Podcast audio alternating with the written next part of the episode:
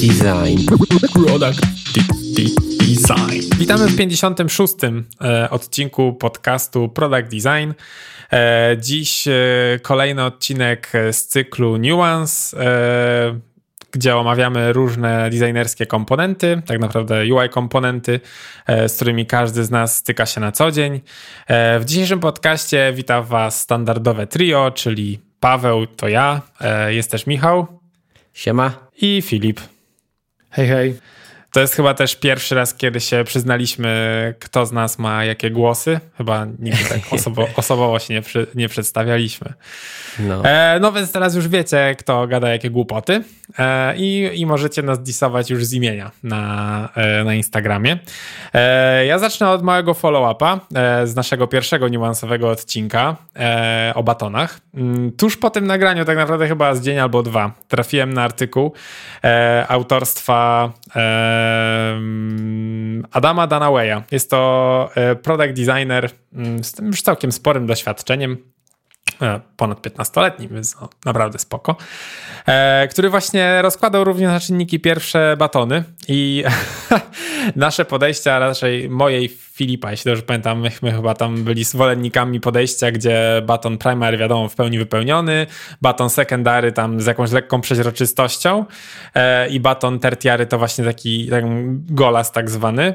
No to właśnie tutaj no, niestety w pierwszym akapicie tego artykułu, raczej w pierwszym punkcie e, zostaliśmy zdisowani, że, że to słabe rozwiązanie, bo, bo większość osób nie widzi tego e, tam tła, bo jest za słaby kontrast i tak dalej, i tak dalej. E, no cóż, ja, ja, ja, czułem, że to tam gdzieś się, się czai za rogiem, taki argument, e, ale jakoś tak go trochę mm, ominąłem w swoich jakichś takich rozmyślaniach, bo wydaje mi się, że jak tam dobrze się tą szarość dobierze, to, to, to nie jest tak źle. E, także owszem, zgadzam się, że accessibility for life i powinniśmy być zawsze jakby mm, tworzyć w duchu, tej, tej jakby accessibility, dostępności, ale czasami można sobie pozwolić na jakieś tam małe przymrużenie oka. W każdym razie e, formą polecaną batonów, która tutaj wypływa z tego artykułu, e, to jest e, nasze pierwotne podejście Filip, czyli baton primary wypełniony, baton secondary z obramówką i baton tertiary jako tak zwany golas. Tutaj jeszcze ten golas jest w ogóle z podkreśleniem, ten naked baton, że wyglądał jak link, czyli no takie maksymalny jakby ukłon w stronę użytkownika. E, no mówiąc szczerze, mm, w aplikacjach e, często są batony, które nie mają podkreślenia e, właśnie w tej formie tertiary, więc no to tak różnie, no ale mm, dobra, już zostawmy ten temat. Tak tylko chciałem wspomnieć, że, mm, że zostaliśmy zdisowani, także dzięki Adam, chociaż nie personalnie i nie miałeś, nie słuchałeś naszego podcastu, ale zawsze miło było się spotkać z jakąś taką odmienną opinią. Jutro um, nagrywamy na niego rap-up normalnie, wiesz, już, już robię beat. Tak, dokładnie. Jutro wjeżdża Jakiś dobry freestyle, dokładnie. Tak. Wjeżdża tak. na ciebie Dix pionie. um, Okej, okay. natomiast e, w dzisiejszym odcinku Niuansów będziemy sobie rozmawiać o inputach e, szeroko rozumianych. Myślę, że w, przede wszystkim w głównej, dużej mierze skupimy się na tak zwanych text fieldach, czyli polach tekstowych, e, ale na pewno nie zabraknie też kilku słów o, o, o dropdownach, czy też o na przykład segmented control. E, który może nam się jeszcze tutaj gdzieś wpleść, oczywiście o ile wyrobimy się w czasie, bo bardzo staramy się od czasów naszego ostatniego retro mieścić się w tych 30 minutach i idzie nam chyba całkiem nieźle, więc nie wiem, czy jesteśmy w stanie poświęcić e, ten niesamowity wynik e, tylko po to, żeby w sądzie segmented control. Zobaczymy. No także może nie przedłużając, wskoczę już w to, o czym dzisiaj będziemy mówić, czyli krótko może sobie tak podsumujmy w ogóle anatomię e, text fielda, czyli tak naprawdę z czego on się tam składa.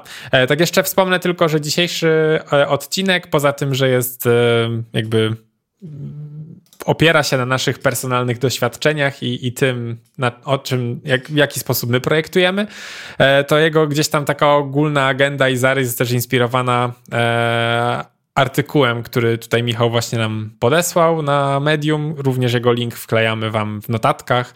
Tam też możecie sobie trochę poprzeglądać, zapoznać się z nim. Jest bardzo fajny, jest bardzo dobrze rozpykany ogólnie ten input, więc e, na pewno dużo ciekawej wiedzy jest tam do znalezienia. E, no dobra, to wracając. Anatomia text fielda. Mm, tutaj w zasadzie tylko szybko chciałbym przez to przejść, e, czyli każdy input ma, wiadomo, label, może mieć jakąś ikonę po lewej, prawej stronie wewnątrz tego text fielda. Oczywiście mamy też samą, treść, co tam użytkownik może wpisać. E, czasami mamy jakiś placeholder. E, w wielu przypadkach również walidacja, która pojawia się no, z reguły pod danym text fieldem, ale są też różne metody tej walidacji. E, sam text field ma też z reguły jakiś kształt, Różnie jest on traktowany, czasami jest borderem, czasami jest z jakimś wypełnieniem. O tych szczegółach porozmawiamy już za chwilę. I to chyba tak ogólnie, jeśli chodzi o samą taką kluczowe takie elementy e, text fielda, to chyba mniej więcej byłoby tyle.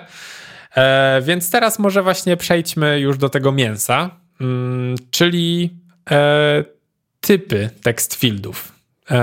Jakie wyróżniamy typy text fieldów? E, no tak, mamy takie zwykłe tekstowe inputy, gdzie możemy wpisać dowolny tekst. To najczęściej jest wykorzystywane przy różnych imionach, nazwiskach i tak. E, ale są też takie bardziej skomplikowane, które odpowiadają na potrzeby. I to jest w sumie warto pamiętać, żeby jak, jak tworzymy na przykład jakieś formularze, to żeby nie wszystkie e, pola tekstowe były zwykłymi, pustymi polami tekstowymi, bo czasami można gdzieś tam troszeczkę ułatwić użytkownikom wpisywanie tych danych poprzez na przykład formatowanie tekstu, które jest umieszczane w tym text fieldzie. Tutaj na przykład mam na myśli przede wszystkim numer telefonów, kiedy zbieramy, jakieś daty urodzenia.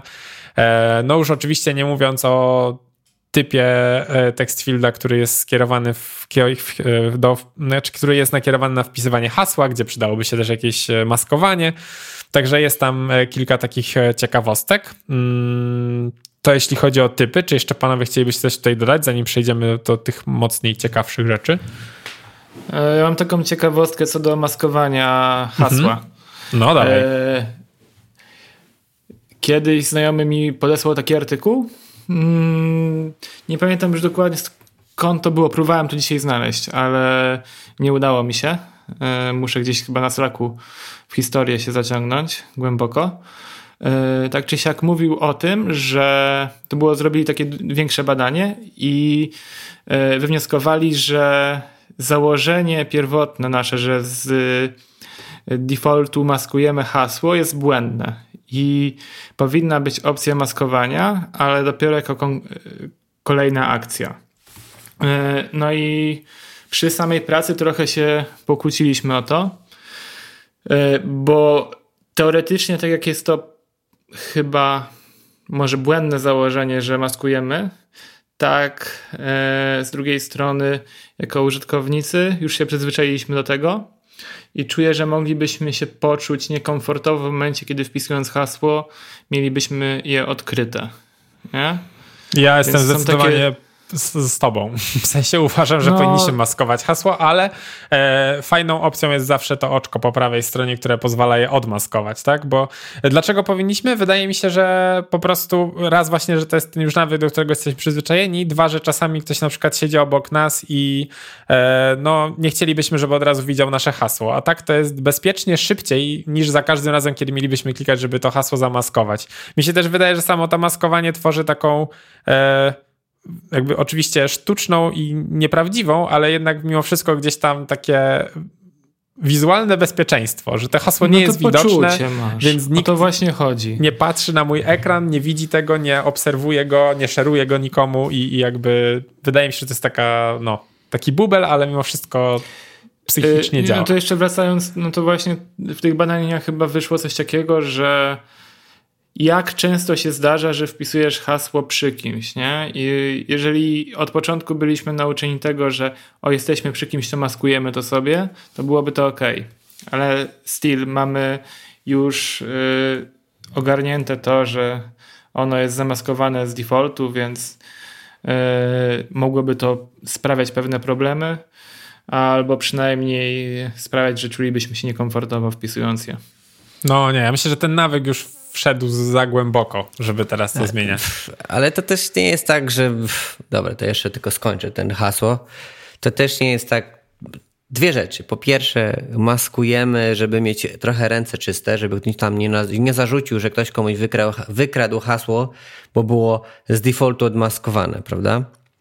E, to jest jedna rzecz. A druga rzecz to jest taka, że trochę nie do końca ten argument taki, że zawsze przy nikim nie wpisujemy tego hasła. Ale no mogą wpis możesz wpisywać to hasło w pociągu, kurde. I, I ktoś z tyłu za twoimi plecami patrzy, co ty tam wpisujesz, prawda? Ty możesz nie być tego świadomy, kto, że ktoś na to patrzy. No oczywiście przy kolegach nie wpisuje się tak, wiesz, patrząc razem na telefon, ale no bardzo często jakby czynnikiem, które powoduje, że jakieś dane są wykradzione, to jest po prostu czynnik ludzki, czyli po prostu, nie wiem, ludzie pracują na kompach, E, i wszystko widać, co robią, albo na telefonach też wszystko widać. Więc tak samo jest z hasłem, moim zdaniem. Więc e, trzeba je chować i tyle. No. Jak ktoś chce sobie odmaskować, to na własny użytek. Ja ci na własną odpowiedzialność. I nara. Tak mi się wydaje. Zdecydowanie tak. E, więc na razie pozostańmy przy domyślnym maskowaniu. Myślę, że, że tutaj nie ma co wymyślać koła na nowo i, tak. i pozostańmy przy tym, co jest w sumie takim już dość powiedziałbym szeroko rozumianym standardem. Um, Okej, okay. czy w takim razie przechodzimy dalej? No myślę, że tak. No tutaj są jakieś rzeczy, tylko nie wiem, kiedy by to poruszymy, typu właśnie te telefony, żeby prefiksy dawać jako klikalne. To chyba później, prawda? E, wydaje mi się, że tak, chociaż jeśli czujemy, że możemy już o tym w sumie pogadać teraz, to po prostu później to pominiemy. To, to na dobrą sprawę możemy się skupić na takich e, detalach e, każdego z tych typów. E, bo to się gdzieś tam jeszcze później nam przewinie w całej dyskusji, ale w sumie czemu nie? Możemy to zrobić od razu ale już nie teraz. tam mamy choosing the best text field type style. No to może, no, możemy tam. Znaczy, tu chodzi o to, że jest, myślę, że w tym, na ten moment możemy powiedzieć, że są różne typy text fieldów, inputów i żeby ludzie, którzy zaczynają projektować, żeby o tym wiedzieli, że mają różne cechy, i nawet klawiatura się różnie zachowuje do różnych tych inputów, więc żeby to wiedzieli, poruszymy później, możemy jechać dalej, że tak powiem. No dobra, spróbujmy. Najwyżej będziemy się cofać. Um, Okej, okay. no więc e, jakby tutaj właśnie jeszcze w kontekście tych typów, no to właśnie dobieranie odpowiedniego typu text fielda do danych, które chcemy zbierać, to jest e, no, dość istotne dla takiego ogólnego UX-a, E, naszego formularza, więc na pewno warto o tym pamiętać e, i gdzieś tam stosować te dane, e, znaczy te, mm, te różne typy. Niemniej warto też pamiętać o tym, żeby czasami nie przedobrzyć. Często się przedabrza na przykład z takimi text fieldami ze steperem, gdzie możemy dodać, jakby mamy plus i minus, jeśli chodzi o zwiększanie na przykład ilości rzeczy, które chcemy dodać do koszyka. Ten typ text fielda inputu jest bardzo spoko, tak samo jak zresztą, nie wiem, na przykład yy, dropdown, tak, z możliwością wyboru z listy. E, jeśli to jest na przykład tylko lista jakiejś ilości właśnie mm, jakiś tam produktu.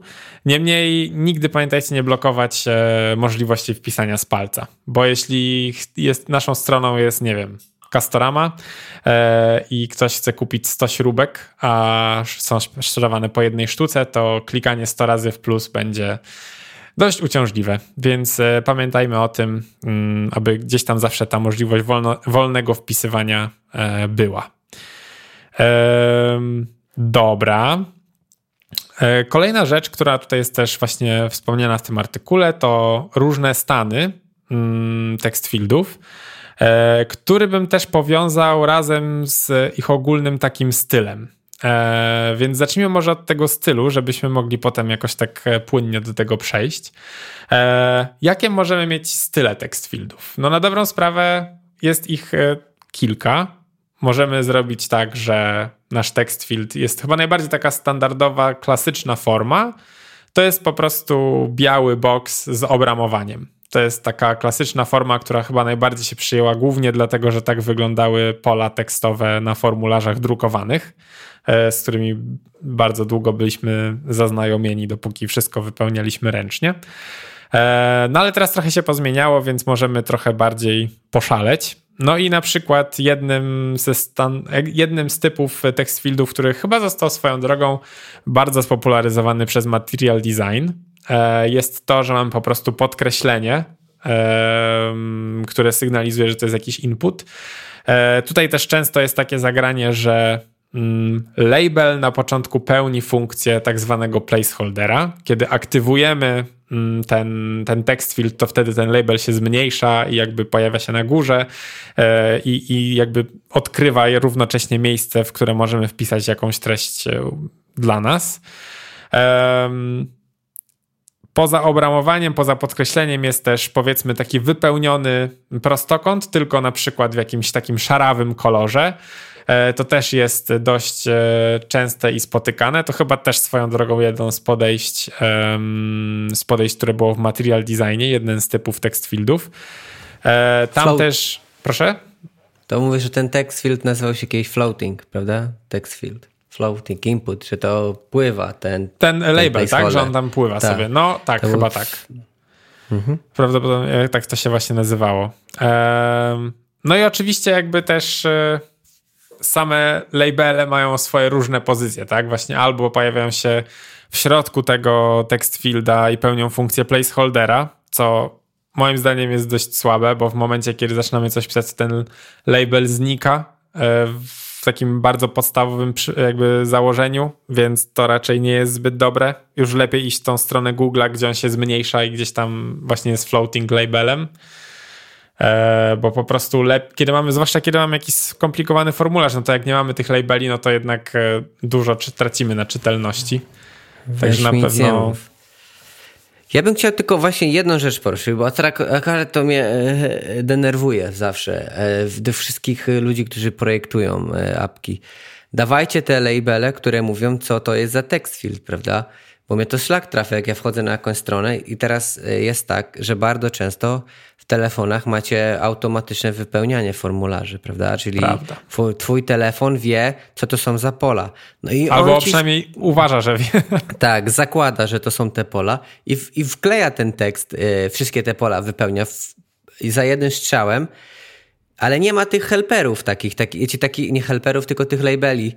I nie wiesz, co tam weszło. Nie wiesz, czy to w Michał, czy to w imię weszło imię, czy tam miał ci. No, no nie da się, musisz sobie rozkminić to, prawda? Albo bardzo często jest y, właśnie z ulicą, bo często ulica jest podawana e, na przykład tam e, Aleja Matejki i niektórzy chcą, żebyś pisał Aleja Matejki 13, a niektórzy chcą, żebyś pisał samo Aleja Matejki, w innym 13, a innym przez na przykład 4.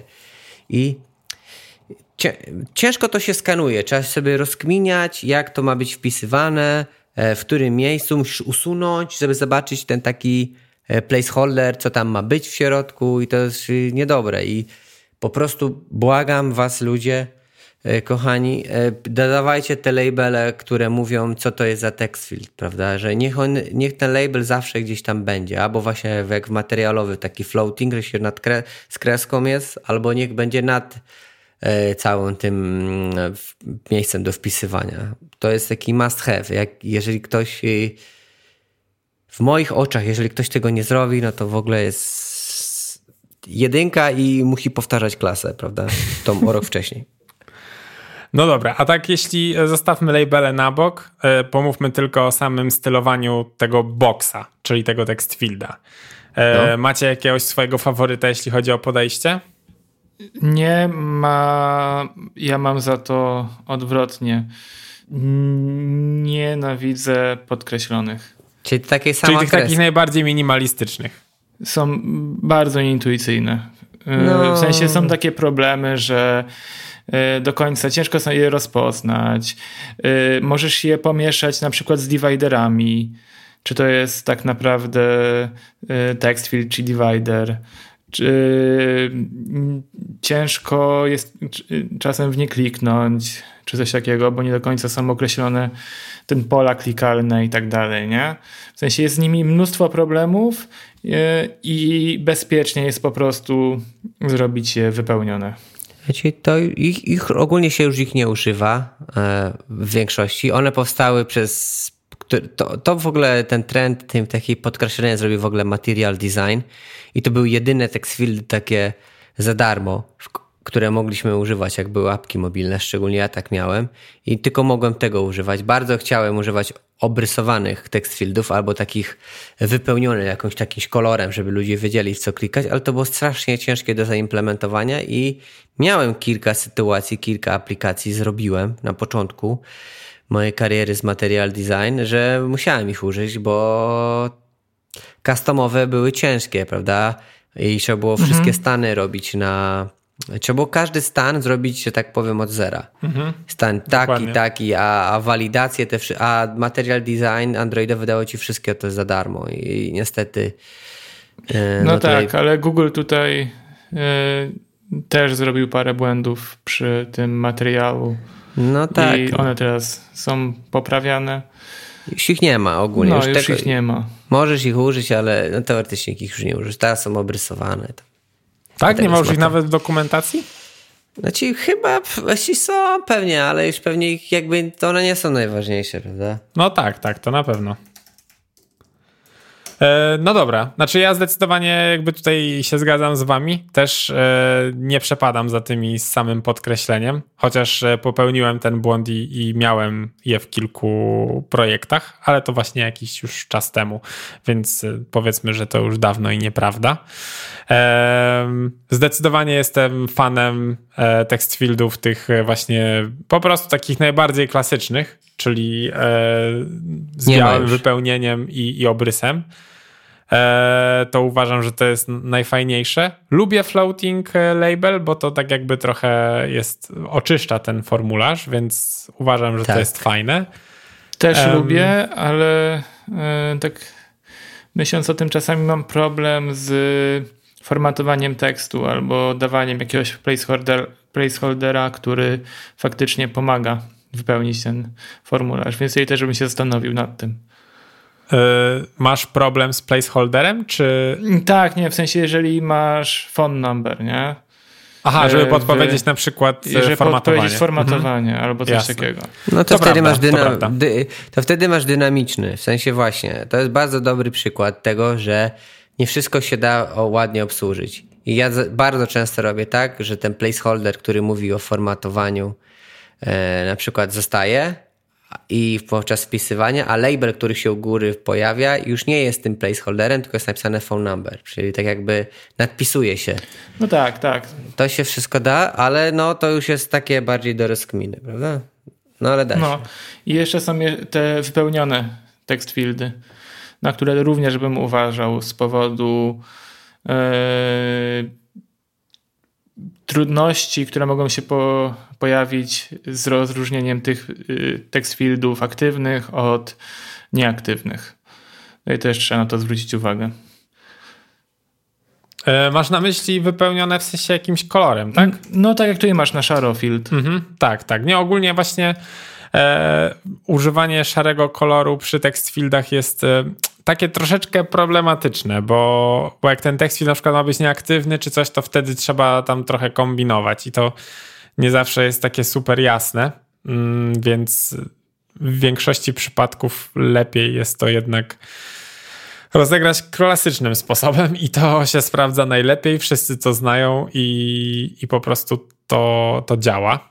E, trochę martwi mnie na przykład fakt, że przypadku iOS-a i, i tak naprawdę Human Interface Guidelines tam ja teraz właśnie próbowałem sobie jeszcze szybko odnaleźć, czy mm. tak cały czas jest, ale mam wrażenie, że tam cały czas ten text field jest e, właśnie takim placeholderem, który się, który znika potem jakby ten label, kiedy już coś wpiszesz.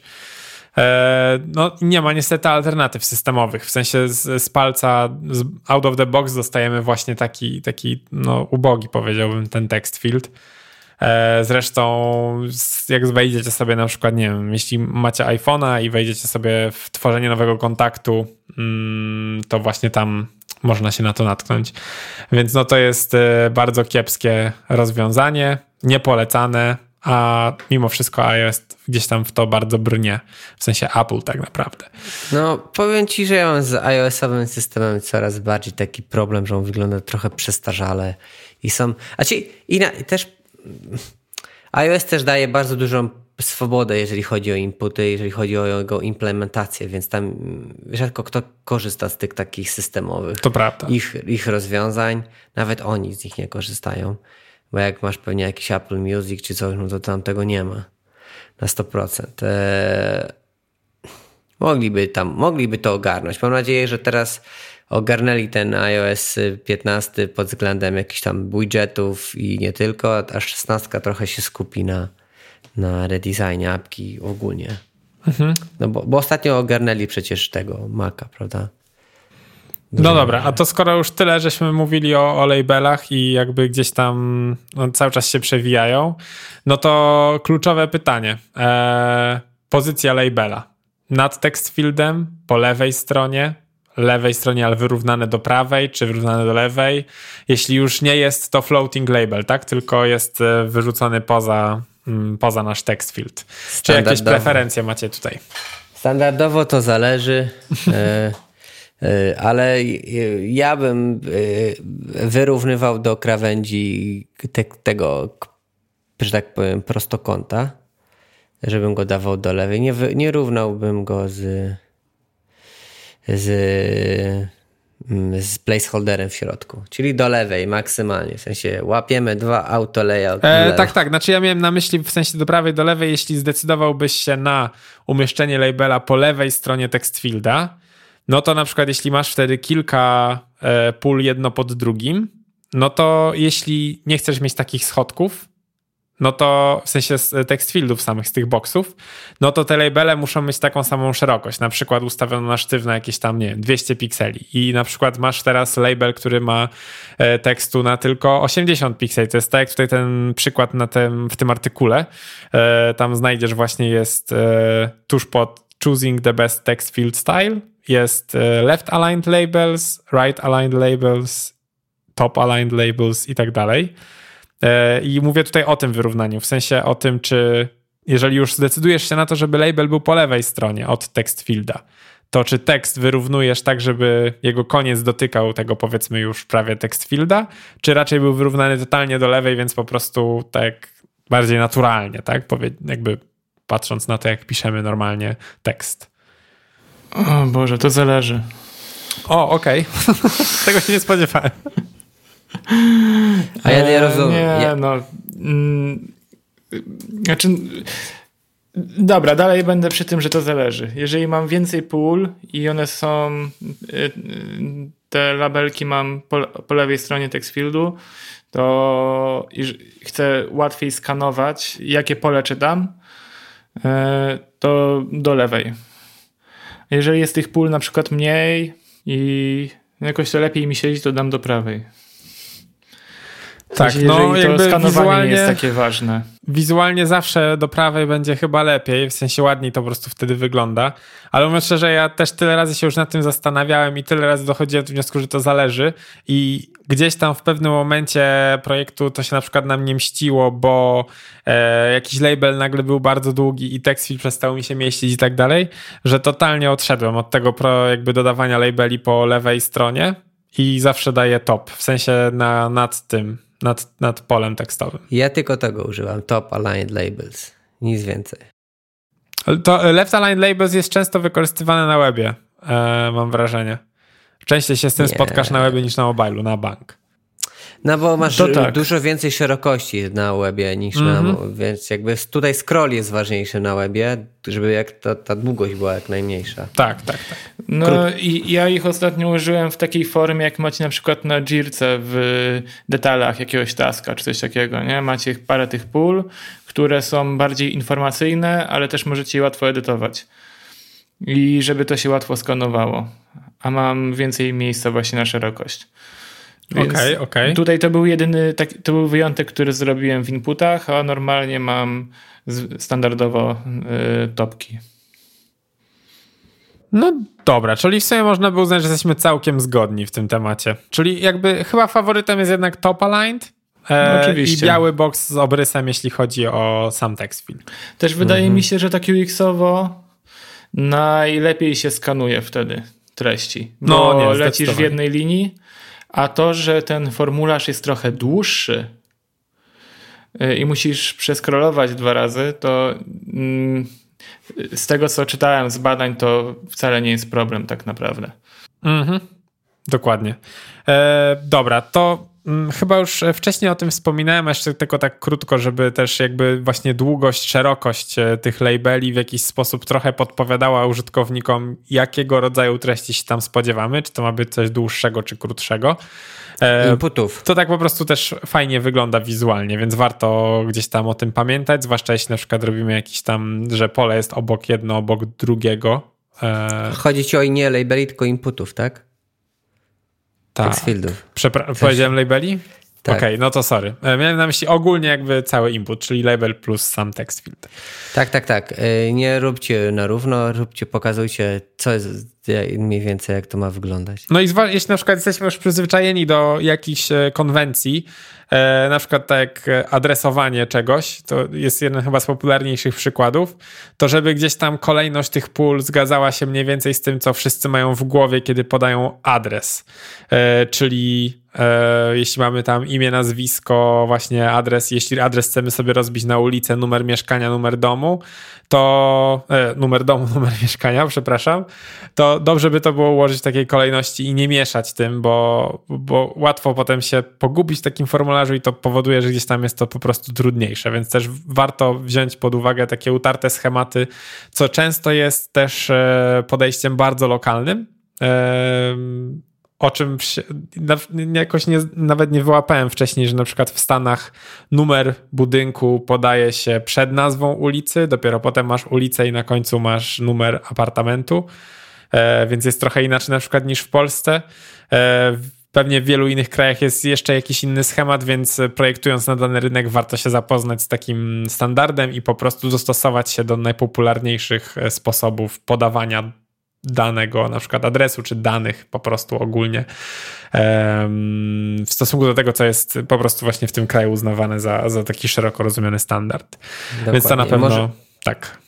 Michał. Możecie też, y, możecie też, y, a propos właśnie takich lokalizacji, to możecie zawsze, jest taka opcja, że można zawsze z telefonu wziąć, jak skąd jest dany użytkownik, czyli jaki ma ustawiony, jak ma ustawiony telefon i na podstawie tego możecie dynamicznie tworzyć jakieś na przykład placeholdery do, do inputów, prawda? Jeżeli ktoś jest z Polski, to będzie miał, może mieć inny placeholder, a ktoś jest ze Stanów, będzie miał jeszcze inny. E, to wszystko się da, tylko musicie o tym wiedzieć, prawda? Dokładnie. Um, Okej, okay. tak jeszcze gdzieś tam ogólnie mówiąc o samych formularzach i w sumie nawiązuję do tego, co Michał powiedział wcześniej, ogólnie dobrym krokiem jest to, aby dobrym krokiem jest to, aby wspomagać użytkownika w uzupełnianiu tych formularzy, zwłaszcza jeśli one są gdzieś tam dłuższe e, lub jeśli wiemy, że jest możliwość na przykład auto uzupełnienia, tak? Tak jak na przykład właśnie tam wspominaliśmy, że na iPhone'ie można kliknąć na przykład uzupełnij formularz naszymi danymi adresowymi i jeśli deweloper dobrze zakodował ten formularz i oznaczył pola, które są do czego, to automagicznie wszystko się uzupełni samo. Jest to bardzo przyjazne, bardzo jakby user first, user friendly, w ogóle wszystko user extra, e, więc wszyscy to bardzo lubią i fajnie, kiedy to dobrze działa, więc na pewno dobrze o tym pamiętać. E, jeśli są to jakieś elementy wybierane z listy, też fajnie, jeśli mam jakiś autocomplete, jakieś sugestie, wiadomo, tak to tam działa w różnych wyszukiwarkach przede wszystkim, na pewno dobrze o tym pamiętać. E, dodawanie jakichś informacji, które pomagają, pomogą nam zrozumieć kontekst danego text fielda, to też zawsze jest mile widziane. Więc na tak. pewno o tym nie zapominajmy. Tak. E, tak, Michał? Ja chciałem tylko jedną rzecz jeszcze tak powiedzieć yy, ogólnie, tak z, z, jeżeli chodzi o użytkowników. Ludzie nie lubią używać klawiatury na telefonach. W sensie to bardzo widać na przykład, zwłaszcza u młodych teraz. W sensie bardzo dużo młodych ludzi młodszych ode mnie, na przykład używa to wiadomo, wysyłając wiadomości do kogoś, nie pisze, tylko na przykład nagrywa wiadomość, taką wiesz, trzyma tam mikrofonik i i wysyła, bo mu się nie chce pisać, prawda? Mm-hmm. I to jest coraz bardziej, e, coraz większe zjawisko, że ludzie nie chcą pisać, więc jakby mm, nie móc pisać Albo jak już muszą pisać, to ułatwmy to im wszystko, żeby ogarniali, żeby ten experience był dla nich jak najlepszy, no bo dla nich sam, sam experience pisania już jest denerwujący. Więc e, to jest ten etap, e, taki pain point, który trzeba dobrze ogarnąć, prawda? To prawda, to prawda. E, dobrze, przechodząc dalej, to taki dość chyba będzie też ciekawy fragment. Walidacja. Walidacja pól formularzy. Hmm, czy macie tutaj jakieś swoje ulubione best practice, jeśli chodzi o, o to, w jaki sposób pokazujecie błędną walidację, czy też jakby taką walidację in progress, jeśli tak je stosujecie? Hmm, ci walidację daję zawsze na dole, jeżeli chodzi o jakieś takie hasła. W sensie pod polem, tak? Po, pod polem. Mhm. E, bardzo ważne jest, jeżeli chodzi o treść walidacji, żeby użytkownik wiedział, co jest coś źle, jeżeli coś zrobił źle, a nie napis, napisać im tylko, że Coś poszło nie tak. Coś, coś co, o, ups, coś poszło nie tak, no wiesz, no ale co? Więc warto, żeby użytkownik dokładnie wiedział, co zepsuł, w sensie co źle zrobił, ewentualnie czego nie zrozumiał. No i tyle. No. Są te wszystkie fancy walidacje takie wypełnia się kolorem coś, prawda, na przykład, e, na przykład to, to ma być przynajmniej duża litera, znak specjalny, siedem znaczków, to można też jakoś tam fajnie ob, obsłużyć, jak, jak klient ma pieniądze, e, ale w dużej mierze też e, często sam tekst, e, co ma zawierać dane hasło wystarczy. Tak, to, to, to co ma zawierać same hasło, to wystarczy. E, teraz mam nadzieję, że się nie powtórzę, ale e, wydaje mi się, że spoko jest rozwiązaniem, że w momencie, kiedy wpisujemy hasło, jeśli mamy jakieś tam konkretne wymagania, że ma mieć tam ileś znaków, ma mieć e, na przykład wykrzyknik, cokolwiek, jakieś takie znaki specjalne, to bardzo fajnym rozwiązaniem jest, żeby pod tym polem pokazać taką e, walidację real-time, że jeśli już użyliśmy te 8 znaków, jeśli już użyliśmy ten znak specjalny, jeśli już wszystkie spełniliśmy tam jakieś rzeczy, które są wymagane, to żeby w trakcie pisania tego hasła po prostu pod spodem pokazać, że to już się udało zrobić, to już ci się udało zrobić i jakby tam troszeczkę tak pomóc temu użytkownikowi we wpisaniu tego super skomplikowanego hasła, które jest wymagane po naszej stronie. Bardzo często nie walidacja, ale jakiś support jest taki podczas tworzenia hasła, prawda? Nie, czy jest silne, czy nie. Tak, tak prawda? Tak, tak. Też mhm. jest takie coś. Jest, Też jest taka, upro, taka uproszczona walidacja, mhm. że nie mówi ci dokładnie, co ma zrobić, tylko ma jakiś tam swój scoring i mówi, dobra, słabe hasło, silne hasło i też pewnie sprawdza, co za słowo. E, okej, okay, a na przykład walidacja po odkliknięciu pola, czy po kliknięciu w baton, żeby przejść dalej? No jeżeli się da, no to real time, prawda? Fajnie by było, żeby użytkownik wiedział już wcześniej. Jeżeli jesteśmy w stanie oczywiście, prawda? No oczywiście. Jeżeli... No. Ale jak wpisujesz mail na przykład, no to jest to łatwe. No mail Po to... kliknięciu. Albo, no. nie wiem, zły format daty, albo coś takiego. No z tą datą no. to fa- no. far- warto mieć przycisk oprócz inputu też, prawda? Który z kalendarza pozwoli wybrać no, to, to, to już w ogóle. To wtedy masz idealne formatowanie. No, zdecydowanie jakby taka walidacja inline o jakby w trakcie e, pisania jest bardzo, bardzo mile widziana. Na pewno jest super. No, najsłabszym rozwiązaniem jest to, że jeśli mamy jakiś tam dłuższy formularz i, i nie mamy nawet tej real-time walidacji, e, ktoś kliknie przycisk i na przykład na górze wyświetlamy, czy tam na dole wyświetlamy podsumowanie wszystkiego tego, co poszło nie tak z tym formularzem. Tego unikajmy. Starajmy się jednak oznaczać te pola tam jakimś właśnie czerwonym obrysem, jeśli zdecydowaliśmy się pójść ścieżką naszą ulubioną, czyli po prostu e, boksy z, z obrysem, no to wtedy tę błędnie wypełnioną daną można oznaczyć na czerwono, pod spodem walidacja, w sensie informacja tak naprawdę o tym, co poszło nie tak, że i, i ewentualnie też pomoc, jak jakby co użytkownik powinien poprawić. Fajnie jest, jeśli na przykład ktoś wpisał kiedyś się spotkałem z, z, czymś takim, że jeśli ktoś miał literówkę w adresie e, e-mail, mhm. E, to, to gdzieś tam to jakby system chciał podpowiedzieć, że a może zamiast kon na końcu tylko com chciałeś pisać, więc tam trochę też sugerował poprawkę. E, chyba w H&M ostatnio jak robiłem zakupy, to też jak wpisałem adres i chyba wpisałem zły kod, to zasugerowało mi po adresie, w sensie po ulicy i po numerze, czy przypadkiem nie miałem na myśli innego kodu więc zamiast tylko mówić mi, że źle wpisałem, to od razu sugerują jakby rozwiązanie. To też było bardzo miłe, bo nie musiałem wpisywać w Google adresu, żeby znaleźć ten kod pocztowy. To było spoko. Eee, Także są, jest w kontekście walidacji można zrobić parę kroków ekstra, które powodują, że um, gdzieś tam ten experience jest przyjemniejszy. Oczywiście no, ciężko dodawać od razu te wszystkie kroki ekstra. Mm, warto gdzieś tam te kroki ekstra oprzeć o jakieś e, badania i po prostu sprawdzić, co tam użytkownikom sprawia największy problem, bo wszystkie te kroki ekstra oczywiście zawsze dodatkowo kosztują, a nie zawsze się okazuje, że są przydatne dla naszych użytkowników. Więc mhm. pewnie warto mieć to na uwadze. Dokładnie.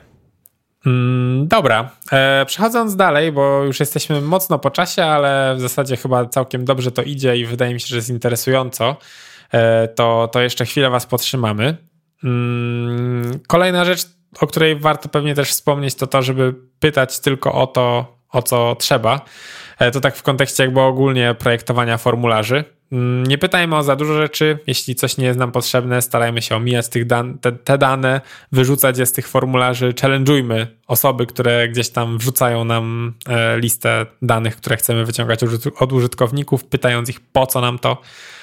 E, I skoro już jesteśmy przy, przy redukowaniu liczby mm, pól, to tutaj pytanko. E, jeśli są pola wymagane i niewymagane, E, oznaczacie pola wymagane, czy oznaczacie pola niewymagane? I te, i te. W sensie, że piszesz i optional, i required wtedy?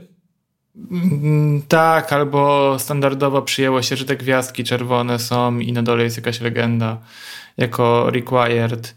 Optional też lepiej jest y, napisać niż y, kazać użytkownikowi domyślić się, czy czy on musi to wpisywać, czy nie.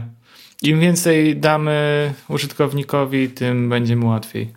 Ja, ja też tak uważam, że wszystko e, oznaczać, bo uważam, że jakby formularze i te wszystkie wpisywania jakichś danych to jest ten moment, w którym musimy myśleć bardziej o UX-ie i tutaj nawet jak to będzie jakoś brzydziej wyglądało w waszych oczach czy coś, że nie będziecie zadowoleni z tego, to, to w tym momencie powinno ci to gówno obchodzić, po prostu zrobić to użytecznie i, i to tak naprawdę dodanie required tylko taki double check dla użytkownika, że takie ok, dobra, to trzeba wpisać.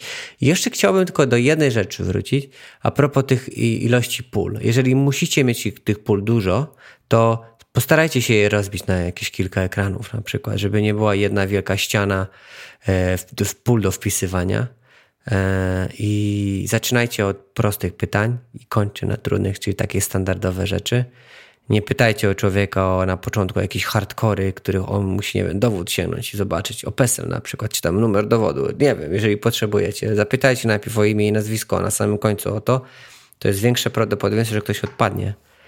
Eee, więc jakby oprócz tego, że zredukujcie, to też możecie to podzielić na jakieś kilka kranów, jeżeli chcecie oczywiście. Dobra. Jest taka opcja. E, to jest prawda. E, natomiast ja wracając, przechodząc dalej do tego, co mówiliście odnośnie required optional, no. ja się z tym nie zgadzam. W sensie nie uważam, że powinniśmy pisać e, i optional i required w, w obrębie jednego formularza, czy tam setu inputów. E, uważam, że powinniśmy się zdecydować na jedno bądź drugie. Ja osobiście jestem fanem pisania tylko informacje optional przy polach, które są optional, bo z reguły większość jest wymagana. Mm, a jeśli są optional, za dużo jest optional, to może powinniśmy zakwestionować w ogóle istnienie tych pól, bo po co w takim razie one tam są. Eee, I tak samo nie lubię, znaczy, owszem, schemat gwiazdek się już bardzo utarł, ale też nie jestem jego fanem, bo, um, bo gwiazdki się źle kojarzą i, I o ile w przypadku formularzy to jest faktycznie rozumiane jako pole wymagane w większości przypadków, o tyle ogólnie gwiazdki gdzieś tam też mają takie swoje drugie znaczenie, że a tutaj coś próbują mi wcisnąć albo coś tam. Nigdy nie wiadomo w sumie, co się kryje pod tymi gwiazdkami, więc też jak, jak ja akurat projektuję formularze, to staram się tego unikać. I, i ostatnio właśnie w sumie dość mocno wyznaję zasadę, że oznaczam tylko i wyłącznie pola opcjonalne, a resztę, resztę po prostu bez żadnego jakiegoś tam dodatku wrzucam w formularz. I tutaj no sorry Michał, ale właśnie wygrywa trochę ten wizualny porządek, bo jeśli miałbym przy każdym polu pisać tam required, no to e, no to nie byłoby dobre, bo byłby duży szum. Okej, okay. E, ja rozumiem rozumiem, masz też rację. Ja po prostu dochodzę do momentu, jeżeli miałbym, ja pomyślałem o tym, że jest kilka pól optional, kilka pól required, ale ogólnie to zawsze cisnę ludzi, klientów, że optionalów nie dajemy. Ja nie, rzadko kiedy, jakby po co ten optional? Jeżeli jest optional, to znaczy, że jest niepotrzebny. E, jeżeli miałbym sytuację, że mam jedno pole optional, to bym tylko napisał przy mhm. optionalu. Optional, w sensie przy tym polu, ale wszędzie byłoby, nie byłoby required, ale jakbym miał na przykład pięć takich pól i pięć takich i musiałbym dać, to bym dał okay, i tu optional okay. i tu required. No rozumiem, spoko. U mnie by to się zadziało tak, że ja po prostu bym zostawił te required przy walidacji, tak? Czyli jeżeli coś tam już ktoś by kliknął, chciał przejść dalej, nie uzupełniłby, czy też po prostu przeszedł przez to pole i real time mu wyświetlimy, to dopiero wtedy bym tam cisnął czerwonym jakimś required, że to musi uzupełnić. A na początek bym uznał, że wszyscy jakoś tak lecą krok po kroku, ale może to błędne założenie. No nie wiem, takie w sumie od jakiegoś czasu wyznaję e, taką zasadę i, i jakoś to idzie. Ja, ja powiem ci, że rzadko te pola są mi skomplikowane. Kiedyś robiłem taką mapkę, która miała bardzo dużo pól i to był ból tyłka, ale teraz to tylko z reguły jest password, e, login, hasło. No i słusznie. E, wiecie co, tak sobie patrzę na te kolejne punkty, które mamy tutaj w agendzie i wydaje mi się, że one tak trochę wychodzą poza zakres samego inputu, bo tutaj mocno już wchodzimy w tematy formularzy, a nie chciałbym też e, przedłużać tego, tego odcinka w nieskończoność, e, więc e, może tylko takie otwarte pytanie, czy chcielibyśmy jeszcze coś dodać do tematu samych inputów i jeśli nie, to myślę, że możemy powoli kończyć. E, ja bym chciał tylko dodać jedną rzecz mhm. odnośnie numerów telefonów, e, żebyście prefiksy robili jako dropdowny, czyli jako wybieralne. Wam to dużo ułatwi życie i użytkownikowi i będzie łatwiej e, programistom skumać skąd jesteście, bo niektórzy, bo, dlaczego? No bo na przykład jeżeli ktoś by wziął i dałby dodaj prefiks i tam byłby text field, to by ktoś wpisał na przykład plus 48, niektórzy by wpisali 0048, a nie mogliby wpisać 0048 e, i takie miałem bardzo często sytuacje i zawsze to rozwiązuję w ten sposób, że to pole jest, e, jest flagą z strzałką, ktoś tam może wejść, e, sobie wybrać dany kraj, ale z reguły zawsze na, bierzemy kraj domyślnie z telefonu, więc jeżeli ktoś ma ustawiony telefon na polski, nie, nie, nie mówię o języku telefonu, bo można ustawić język telefonu i mieć telefon ustawiony na polski App Store. No to e, e, bierzemy domyślnie flagę polską i, i, nic nie muszą tam pisać, tylko dodają swój numer telefonu. tak. I to jest jedna rzecz. Nie, nie, nie poruszyliśmy takiego tematu ikon. Tak, a jeszcze prawda? mogę na chwilkę do tych numerów. Że tam warto... Spoko właśnie z tym dropdownem jak najbardziej. Fajnym też praktyką jest, że mamy mm, takie trochę maskowanie pomoc przy wpisywaniu tego numeru, bo właśnie różne są formaty i różnie ludzie oczekują. Tak samo jest często przy na przykład kodzie pocztowym, e, gdzie czasami kod pocztowy jest oczekiwany jako po prostu ciąg e, pięciu cyfr, czasami e, ktoś oczekuje, że właśnie będzie ten myślnik w środku. Fajnie jest, jeśli mamy taką możliwość, że akurat pod kątem developmentu to jest często trochę skomplikowane, ale jeśli mamy dużo takich puli, zależy nam na poprawności i gdzieś tam e, ułatwieniu życia użytkownikom, to fajne jest wprowadzenie właśnie tego maskowania, czyli w momencie, kiedy pole jest aktywne, to jakby to miejsce takiego placeholdera zamyka, za, zabiera ten format, który w miarę wpisywania e, trochę zanika, tak? Czyli na przykład jeśli mamy tam pięciocyfrowy numer, który właśnie ten kod pocztowy, żeby dla ułatwienia. Kod pocztowy, czyli dwie pierwsze cyfry, potem myślnik i e, trzy kolejne, to żeby pokazać na przykład właśnie xx, myślnik xxx, tak żeby to użytkownik uzupełniał w jakiś sposób to, czego my oczekujemy. Dzięki temu będziemy mieć większy porządek w danych i też jakby to ogólnie poprawi nasz gdzieś tam taki UX tego formularza, tego inputu. E, sorry, już możesz przechodzić dalej. E, chyba miałem tylko jeszcze po powiedzenie, żeby dodawać opcję dodawania daty z kalendarza, jako, też jako opcja, że możesz kliknąć sobie w ikonkę kalendarza i tam sobie pokaże się kalendarz i możesz sobie dokładną datę wybrać samemu. Pamiętaj, to jest taka jeszcze rzecz, która mi się przypomniała. Autocomplete, jeżeli macie możliwość, to też dodawajcie, na przykład do ulic czasami ulice są bardzo długie i można pomóc tym ludziom znaleźć i zaimplementować jakieś auto, auto uzupełnianie i podpowiedzi, że o, o tą ulicę ci chodziło i wtedy no dzięki temu, no, tak jak mówił Paweł, w HM mogliby zrobić tak, że jak wpisałeś ulicę, to ja miałem taką akcję w niektórych apkach, że jak mhm. podasz ulicę, no to kod się sam dodaje już. W Wolcie mają pocztowy. na przykład fajnie zrobione, Więc od wyszukuje ci cały adres i nic więcej nie musisz robić. No, więc to wszystko można dobrze e, rozpykać. E, Jeszcze do tego kalendarza wracając, wpisywał. to e, tam e... też jest taka jedna pułapka, którą, o której warto pamiętać, że owszem, wybieranie z jakiegoś tam dodatkowego komponentu kalendarza konkretnej daty jest super, ale do momentu, kiedy ta data jest w miarę powiedzmy blisko nas, czyli na przykład, nie wiem, tam data wyjazdu na wakacje czy coś takiego, to jest spoko, ale jak już trzeba uzupełnić datę urodzenia, to wtedy, ponieważ musielibyśmy się cofnąć na przykład, no w moim przypadku 30 lat do tyłu, e, to na przykład jeśli ten komponent kalendarza nie umożliwiałby szybkiej zmiany roku, to by było troszeczkę uciążliwe, więc warto tam gdzieś właśnie, tak jak wcześniej wspominałem, zostawić możliwość wolnego wpisywania z palca, tak? Właśnie z tym pokazaniem formatowania, jakie oczekujemy, że można było sobie tą datę wpisać po prostu z klawiatury, jeśli ktoś miałby takie życzenie. I bardzo dobrze, że to poruszyłeś, bo można też dynamiczne rzeczy robić, czyli może być nie kalendarz, tylko może być jakiś coś, co powoduje, że łatwo wpisać datę urodzenia. Typu na przykład macie ten o, o, data picker bardzo. w iOSie, taki bębenek.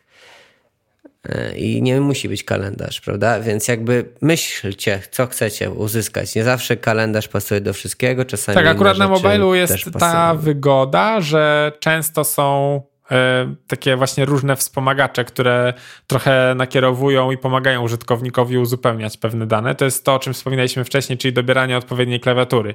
Na desktopie to jest abstrakcja, ale na, na mobilu właśnie jest możliwość, że jeśli pytamy o numer, czy o jakiekolwiek wartości liczbowe, to żeby pokazać tylko klawiaturę numeryczną, a nie na przykład pełną, tak jak to robi na przykład bank ING, kiedy prosi mnie o kod potwierdzający E, super UX, naprawdę, gratulacje. E, myślę, że trzeba to poprawić już szybko.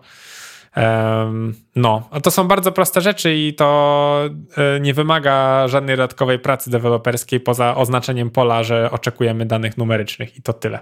Tak, to jest po prostu lenistwo no, bądź niewiedza. Oba myślę.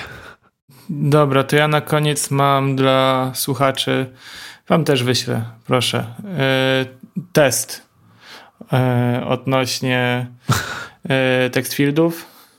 Nie wiem, czy znacie tą stronę, e... ale tutaj są zebrane wszystkie najgorsze praktyki odnośnie projektowania interfejsów w kupę. I mierzy ci czas. Jak szybko ci się uda to przejść.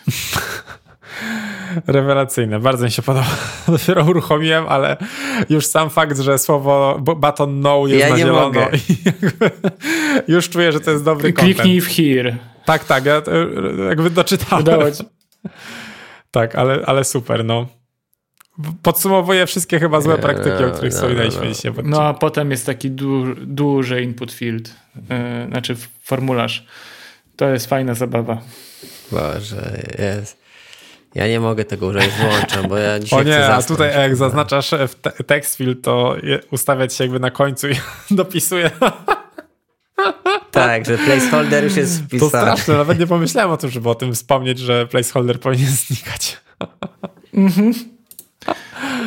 No właśnie, placeholder Także jest Jak będziecie kiedyś się uczyć, y, kłócić z klientem, y, dlaczego tak zaprojektowaliście, to pokażcie mu tą stronę. Piękne, piękne. Wasze, Świet, wasze świetny dodatek, Filip, na sam koniec. Żałuję, że aż na sam koniec. Mogliśmy po prostu oprzeć ten odcinek o ten, co poszło nie tak z tą stroną. I przecież mieli prawdziwy dis. Ach, no nic. E, to był... Wiesz co, dla mnie to jest, bo to jest chyba jakiś projekt, który został przygotowany na rekrutację dla designera. Okay. Jest idealny. A podoba... po prawej stronie na dole jest taki ten uh, how can we help i zamiast krzyżyka jest element, który powoduje, że cały czas może go coraz wyżej sobie wyciągać. Też piękne. To Tak, kończymy. E, Dobra, to był prawie kończymy. półgodzinny, a prawie godzinny e, 56 odcinek e, podcastu Product Design. E, podsumowując, w dzisiejszych niuansach rozmawialiśmy o inputach, a trochę nam wyszło ogólnie o formularzach. Taki trochę messy ten odcinek wyszedł, ale mam nadzieję, że, że coś z niego również wyciągniecie. Ale, duż, du, ale bardzo tak, także dziękujemy za dziś. E, słyszymy się za tydzień, chyba w bardziej normalnej formie. E, niuanse będą tak średnio co dwa tygodnie, także tego możecie się spodziewać, jeśli e, Wam się spodobało. No, no to tyle. Dzięki. Cześć. Product. Design. Product.